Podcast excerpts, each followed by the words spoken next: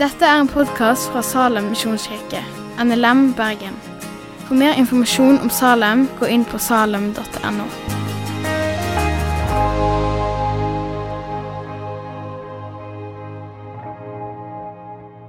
Før vi begynner, jeg har lyst til å si god søndag og godt nyttår. Virkelig godt å være tilbake igjen. Eh, du så kanskje at jeg sto under lovsangen der fordi jeg måtte stå og stått så mye på fly i det siste. Eh, jeg og Birgitte kona mi kom tilbake fra ferie i går kveld. Og så er av og til når jeg flyr det er, det er liksom tynn luft som gjør at jeg får god kontakt med Gud på et eller annet vis. Hørte på lovsang eh, og savna hjem. Savna hjem til Norge, savna hjem til Bergen og savna hjem til fellesskapet. Og så kjente jeg at hjertet mitt fyltes over av takk. Og gjerne lovprisning så stille som jeg kunne uten å forstyrre de på sida mi. Og så tenkte jeg for et privilegium å få lov til å savne hjem til et fellesskap. til et kristent fellesskap. Jeg aner ikke hva du har gått gjennom i 2022, eller hva du kom til å gå gjennom i 2023.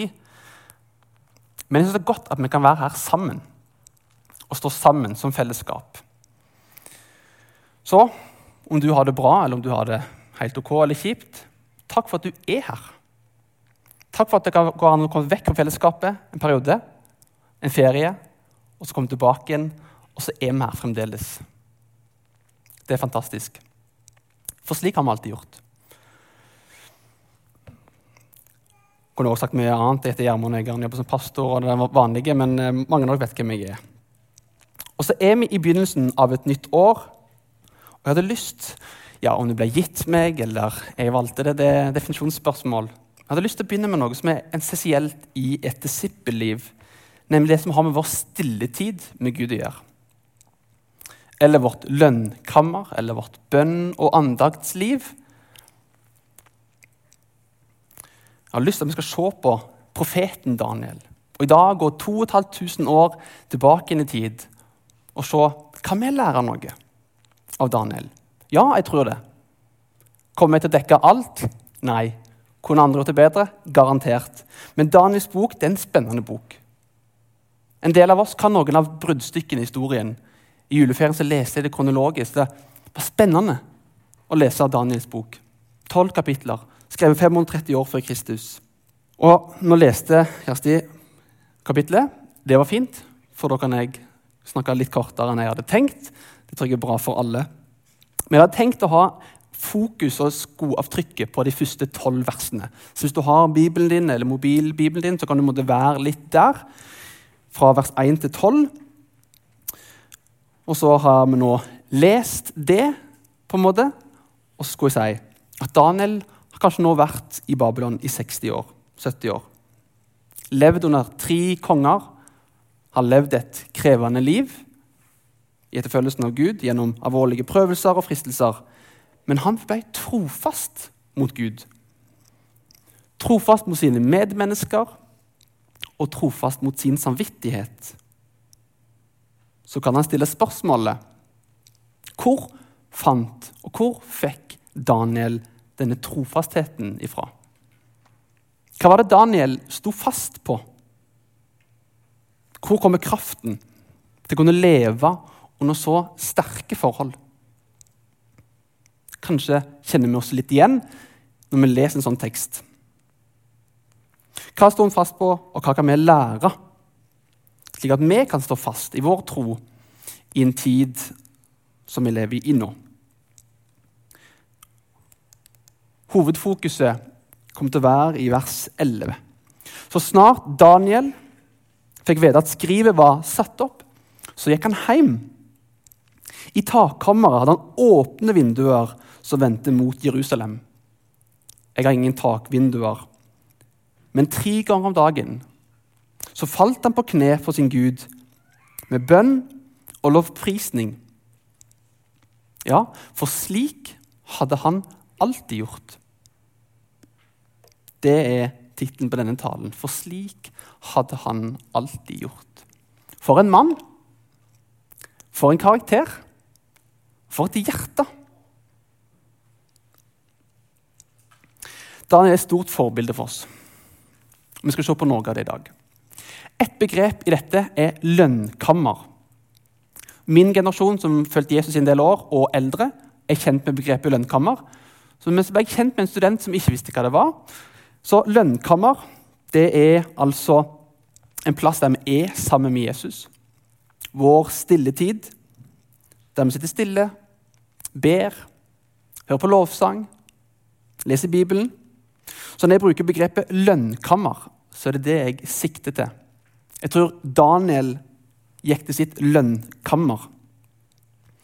På engelsk så bruker jeg gjerne at det er 'my devotional time'. Jeg er ingen engelsk professor, skal ikke oversette det, men de bruker iallfall 'devotional time' på engelsk. Så i denne talen skal vi se på profeten Daniel sitt eksempel når han har sin rytme, sin vane, i sitt lønnkammer. Og Det skal vi gjøre på, vi ser på to enkle poeng. Bevar ordningen, og du bør, versus du skal få lov. Bevar ordningen, du bør, versus du skal få lov. La oss se på den første ordningen. Ja, Tre ganger om dagen falt han på kne for sin Gud med bønn og lovprisning, for slik hadde han alltid gjort. Helt tilbake på 300-tallet så har de kristne kalt dette for ordningen. Lønnkammeret, eller som kanskje vi har sagt i dag, bruke tid sammen med Gud. Daniel hadde gjort dette. Han hadde bevart denne rutinen, denne vanen, denne rytmen, gjennom et langt liv. Jeg husker vår tidligere pastor Christian Lilleheim sa ta vare på ditt lønnkammer, så bevarer lønnkammeret deg. De som kjenner Kristian, han er ingen egoist. Han ga æren til noen andre. Det var en som het Egil Granhagen, en tidligere troshelt i vår organisasjon, som hadde plukka det opp igjen fra en munk. Der grunntonen var 'bevar ordningen', så bevarer ordningen deg. Ja, bevar ordningen, så bevarer ordningen deg. For slik hadde han alltid gjort. Benedikt av Nursia men hva bevarer vi? Hva bevarer jeg? Hva kommer våre barn, barnebarn, vår slekt, våre etterfølgere til å si om oss? Han var flink til å lage mat. Oi, det her var ikke meg jeg snakket om, i hørte jeg. flink til å springe, eller glad i folk. Fine ting. Det blir kanskje litt sånn hult. Min bønn Min drøm er at jeg kunne si om mitt liv Gjermund brukte tid med Gud, for slik hadde han alltid gjort. Jeg vil ligne Daniel. Vil du?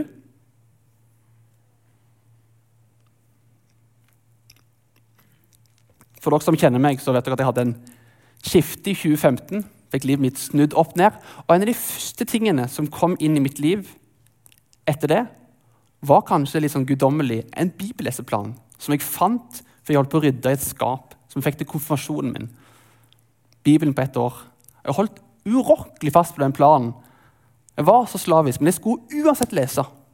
Beinhardt, men jeg skulle gjøre det. Det var begynnelsen på min vandring med å lese Bibelen. Og det gjorde noe med meg.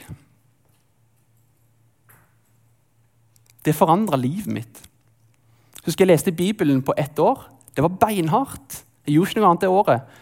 Det jeg bare leste. Det var fantastisk, men òg litt tungt. Jeg sprang opp til mamma en gang og sa hva i verden er det her? Det er, tent, det er, liksom, det er teltplugger inn i hodet. Det er helt sånn sjuke ting i Bibelen, mamma. Hun ba, nei, her står det det?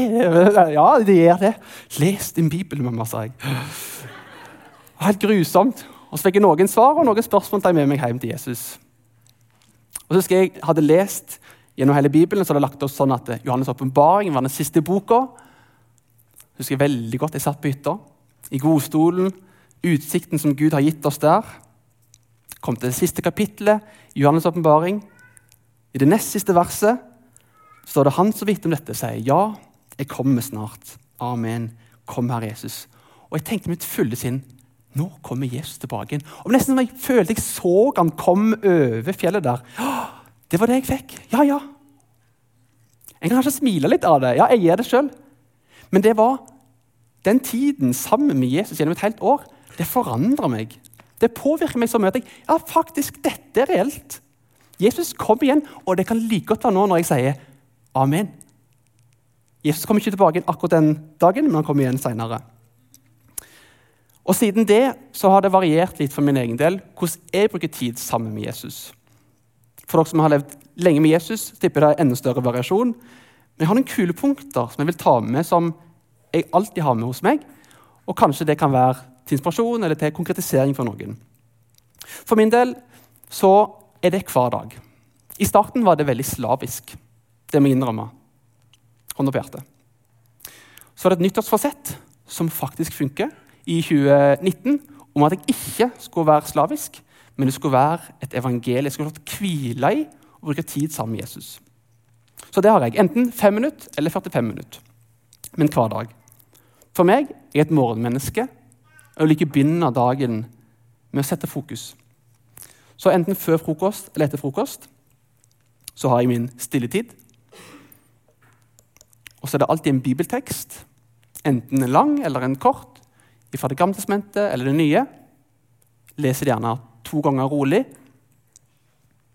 Har jeg dårlig tid, så åpner jeg Bibelen ca. på midten. Les en salme, ber over den salmen og takker Gud for dagen. Og siste er bønn. Be for teksten som jeg har lest. Be for meg sjøl. Be for familien min. Kanskje familien min som kommer til å komme en dag. Be for kirka vår. Be for byen vår, landet vårt og misjonærene våre. Det er alltid med, men det varierer litt hvordan det ser ut. Jeg vet ikke hvordan ditt lønnkammer ser ut. Og Jeg hørte en som sa det. Den beste måten på å gi en kristen dårlig samvittighet, er å snakke om lønnkammer. Ja vel, da, men da gjør vi det. men det er viktig å snakke om. Så hvis dette er til inspirasjon eller konkretisering, fint. Men hva så? Dette fire ord om Daniel. Hva betyr dette for mitt liv? Jeg har lyst til å si la oss ta vare på vår tid sammen med Gud hver eneste dag. I stort eller smått. Ett bibelvers. Dagens ord. Slik at denne tiden som du har, denne ordningen som du har, kan få lov til å bevare deg gjennom livet. Det bevarte Daniel gjennom et krevende liv.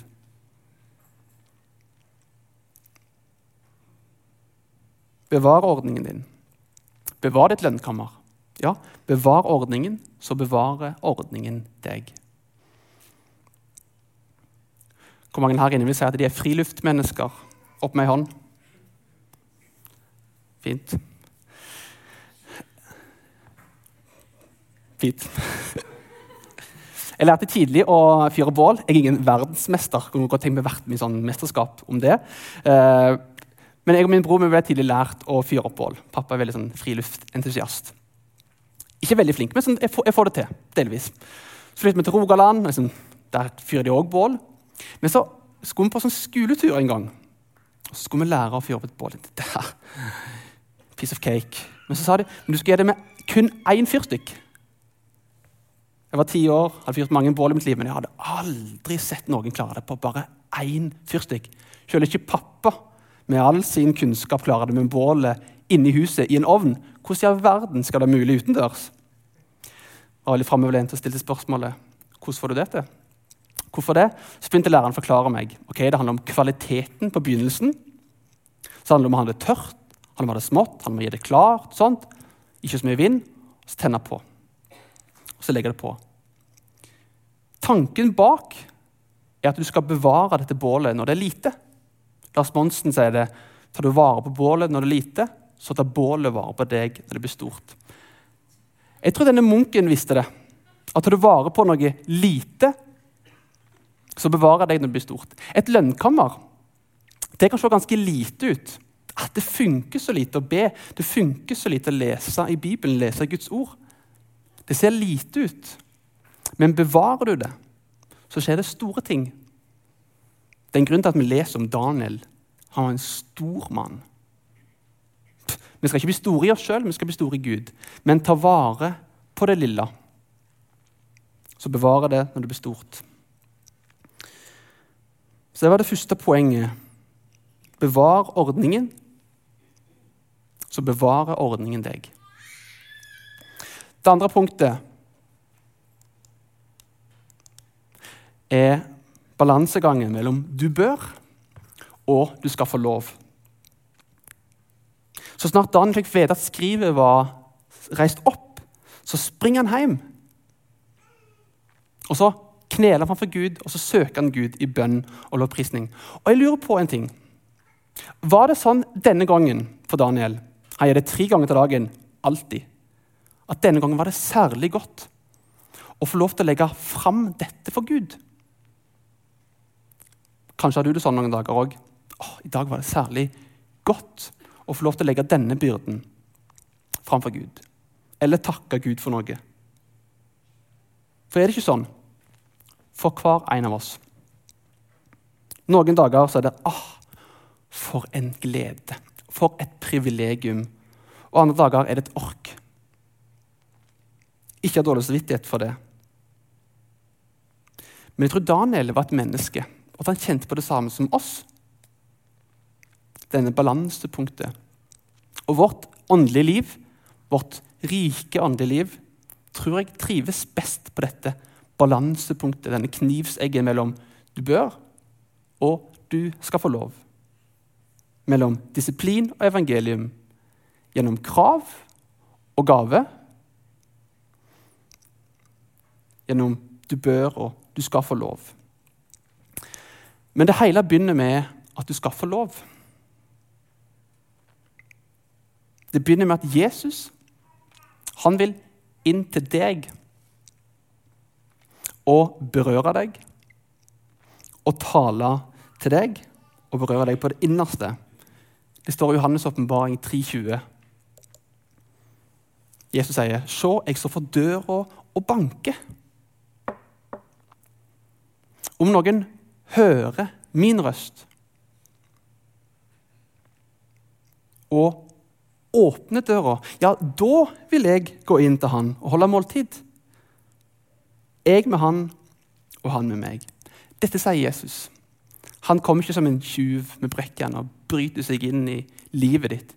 Hvis du ikke vil ha noe med han å gjøre, da er døra stengt. Døra må åpnes fra innsida, slik at Jesus kan få lov til å stige inn i livet ditt.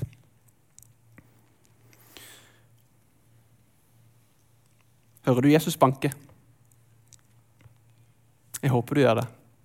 Så ikke be om at Jesus, jeg vil høre at du banker på mitt hjerte. Jeg har lyst til å åpne opp for deg.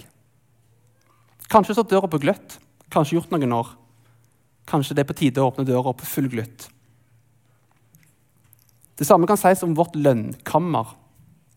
Jesus han lengter etter å komme inn og møte oss der og tale til oss.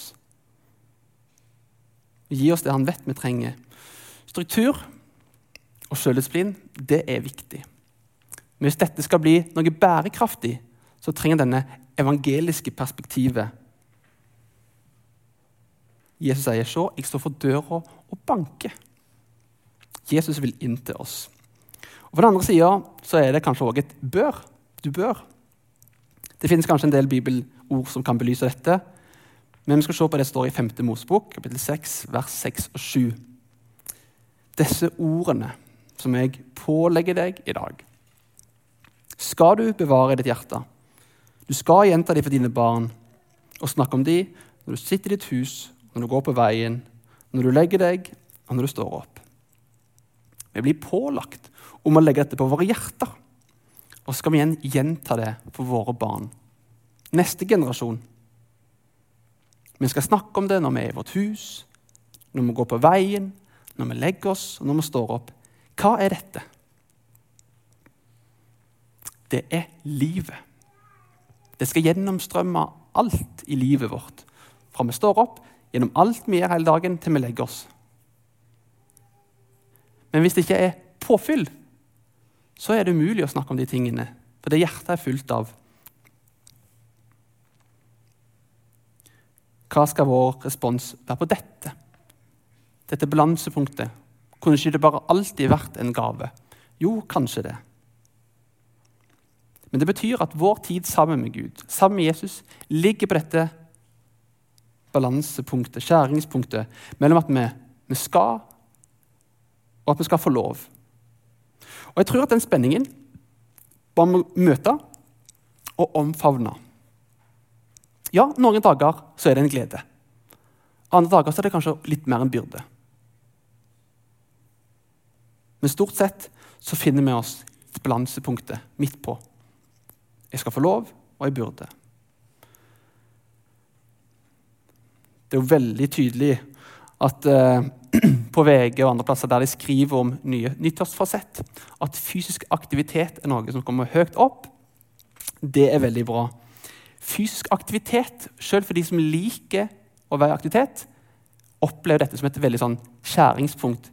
En vet det er bra for kroppen, for hodet, for helsa og for å bevare tempelet og alt det der, men det er en utrolig byrde noen ganger. Og den dørterskelen er så utrolig stor. Men du vet du burde. Jeg tror det òg er litt av den samme balansepunktet. En liten parentes. Jeg og Brite var på bryllupsreise rett etter vi giftet oss. på en sånn Sparepluss-tur rundt i Norge. Kom til hytta vår i Telemark etterpå. Så sa hun du skal få lov til å ta deg en løpetur mens jeg lager middag. For det første, for ei kone. Anbefaler hun til alle, men uh, hun er opptatt. og det andre var hadde jeg blitt så tjukk. Var, hva er greia? Hva hadde skjedd? Men jeg tror det har litt med hvem som sier det. For hadde jeg ikke løpt og vært, hadde litt ekstra, så hadde jeg kanskje hørt Hva du mener det? Mens jeg som liker det, sånn Skal jeg få lov? Takk. Er det sånn med vårt lønnkammer, når vi snakker om tingene nå, og kjenner en dårlig samvittighet, kanskje den reiser seg, hører vi Gud si 'du skal'? Eller hører vi 'du skal få lov'? I denne parentesen handler det òg litt om vårt gudsforhold når vi hører dette. Kanskje. Jeg tror Daniel, slik som oss, kjente på denne tosidigheten med lønnkammeret. Du bør, du skal få lov. La oss leve midt i dette spennet og be Gud lære oss å omfavne det og fortsette å stå i rytmen, slik at vi kan gjøre det sånn som Daniel gjorde. For slik hadde han alltid gjort. Og Daniels mange prøvelser kommer jo fram senere i dette kapitlet. Vi skal lese fra vers 20 av, og nå er Daniel blitt kasta i håla nettopp fordi han tok imot det forbudet. Han fortsatte å søke Gud. Så står det i vers 20. Tidlig om morgenen, ved soloppgang, sto kongen opp og skyndte seg til løvehula. Da han nærmet seg håla, ropte han med angst i stemmen på Daniel. Daniel, du tjener for den levende Gud. Har din Gud, som du stadig dyrker, kunne berge deg for løvene. Da svarte Daniel, lenge leve kongen. Min Gud sendte en engel og lukka løvenes skap så de ikke skada meg. For jeg er funnet uskyldig for han. Og heller ikke mot deg, konge, har gjort noe galt. Da ble kongen svært glad og befalte at de skulle dra Daniel opp av hullet. Da de hadde dratt han opp av hullet, fantes det ingen skade på han, for han hadde stolt på Gud. Han ble straffa. Han ble kasta i løvehula. Men Gud berga han. Igjen, på mørkeløst vis, så ble Daniel berga. Han holdt seg trofast gjennom hele livet. Og Denne straffen som Daniel skulle få, den var det totalt umulig å overleve. Vi hørte Kjersti leste resten av avsnittene. Forferdelig. Umulig å overleve den dommen. Og så tenkte jeg på kan dette òg være et bilde for sånne som meg og deg, som lever på jorda, og en dag skal møte Gud ansikt for ansikt.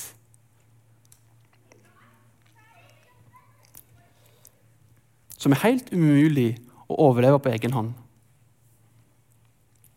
Daniel han stolte på Gud, han trodde på Gud.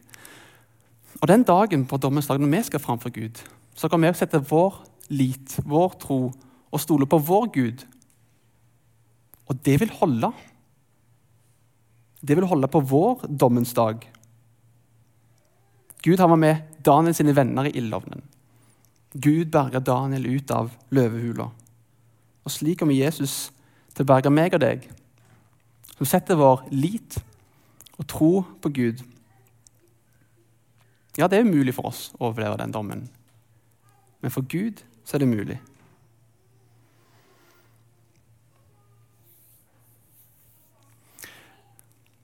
Idet Daniel blir sluppet ned i løvehula, så blir han ikke berørt. Han kommer ut ikke en skramme. Når Jesus tar vår straff, er det masse skrammer. Ryggen er helt full av det, opprevet. Så vi kommer fram for dommen. Jesus blir straffa. Han blir slakta. Og så går vi fri. Ufattelig. Han ble slakta. Han ble spist levende, om du vil, av de romerske soldatene. Og du, ja, du går fri, du som tror på Jesus.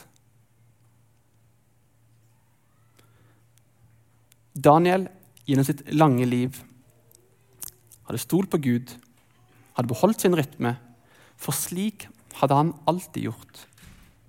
Jeg tror dette var med å bevare Daniel gjennom det livet han levde.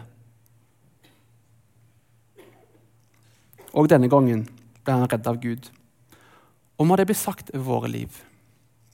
For det hadde han alltid gjort. Ok, Hvorfor det? Hvorfor skal han bevare denne rytmen, denne rutinen? Slik at vi kan gjøre som Daniel, at vi kan stå oppreist i en krevende tid. Tørre å stå opp for noe. Tørre å tale tydelig. Men òg å bli bevart gjennom et liv slik at vi kan komme på den siste dagen. Og så kan vi få lov til å komme hjem framfor Jesus. Og så møter han ansikt til ansikt og sier, 'Takk, Jesus'. Takk, Jesus. Så skal vi be. Gode himmelske Far, vi takker deg for den du er. Vi takker deg for den straffen som du tok, slik at vi kan gå fri. Herre, du kjenner alle her inne. Du kjenner vår tid, du kjenner vår lommebok, og du kjenner vår tilbedelse. Herre, du ser hva vi tilber. Herre, du ser hva vi bruker penger på, og du ser hva vi bruker vår tid på. Å, Herre, vi har så lyst i begynnelsen av dette året, som kirka sier, vi gir deg vårt alt. Vår økonomi, vår tid og vår tilbedelse. Og Herre, du vet at Når vi sier det, så er det ikke sant 100% men vi har lyst at det skal være sant. Vi har lyst til å gi deg all vår økonomisk trygghet, all vår tid og all vår tilbedelse. Herre, takk at vi skal få lov til å komme fram for deg sånn som vi er. Med våre feil og våre mangler. Og sitte på ditt fang. Så har vi lyst til å si allerede nå, Jesus, takk. Vi ser ikke fullt og alt som du har gjort for oss, men vi har lyst til å si takk. Og vi gleder oss som et fellesskap den dagen vi skal få lov til å se deg ansikt til ansikt og gi deg en god, god klem og si takk, Herre. Takk at du tok mine byrder. Et høyt fjell av skyld og skam. Hm. Du bar det på skuldrene dine. Amen. Takk for at du har hørt på podkasten fra Salem, Bergen. I Salem vil vi vinne, bevare, utruste og sende. Til Guds ære. Vi ønsker å se mennesker finne fellesskap, møte Jesus og bli disippelgjort her i Bergen og i resten av verden. Vil du vite mer om oss, gå inn på salem.no.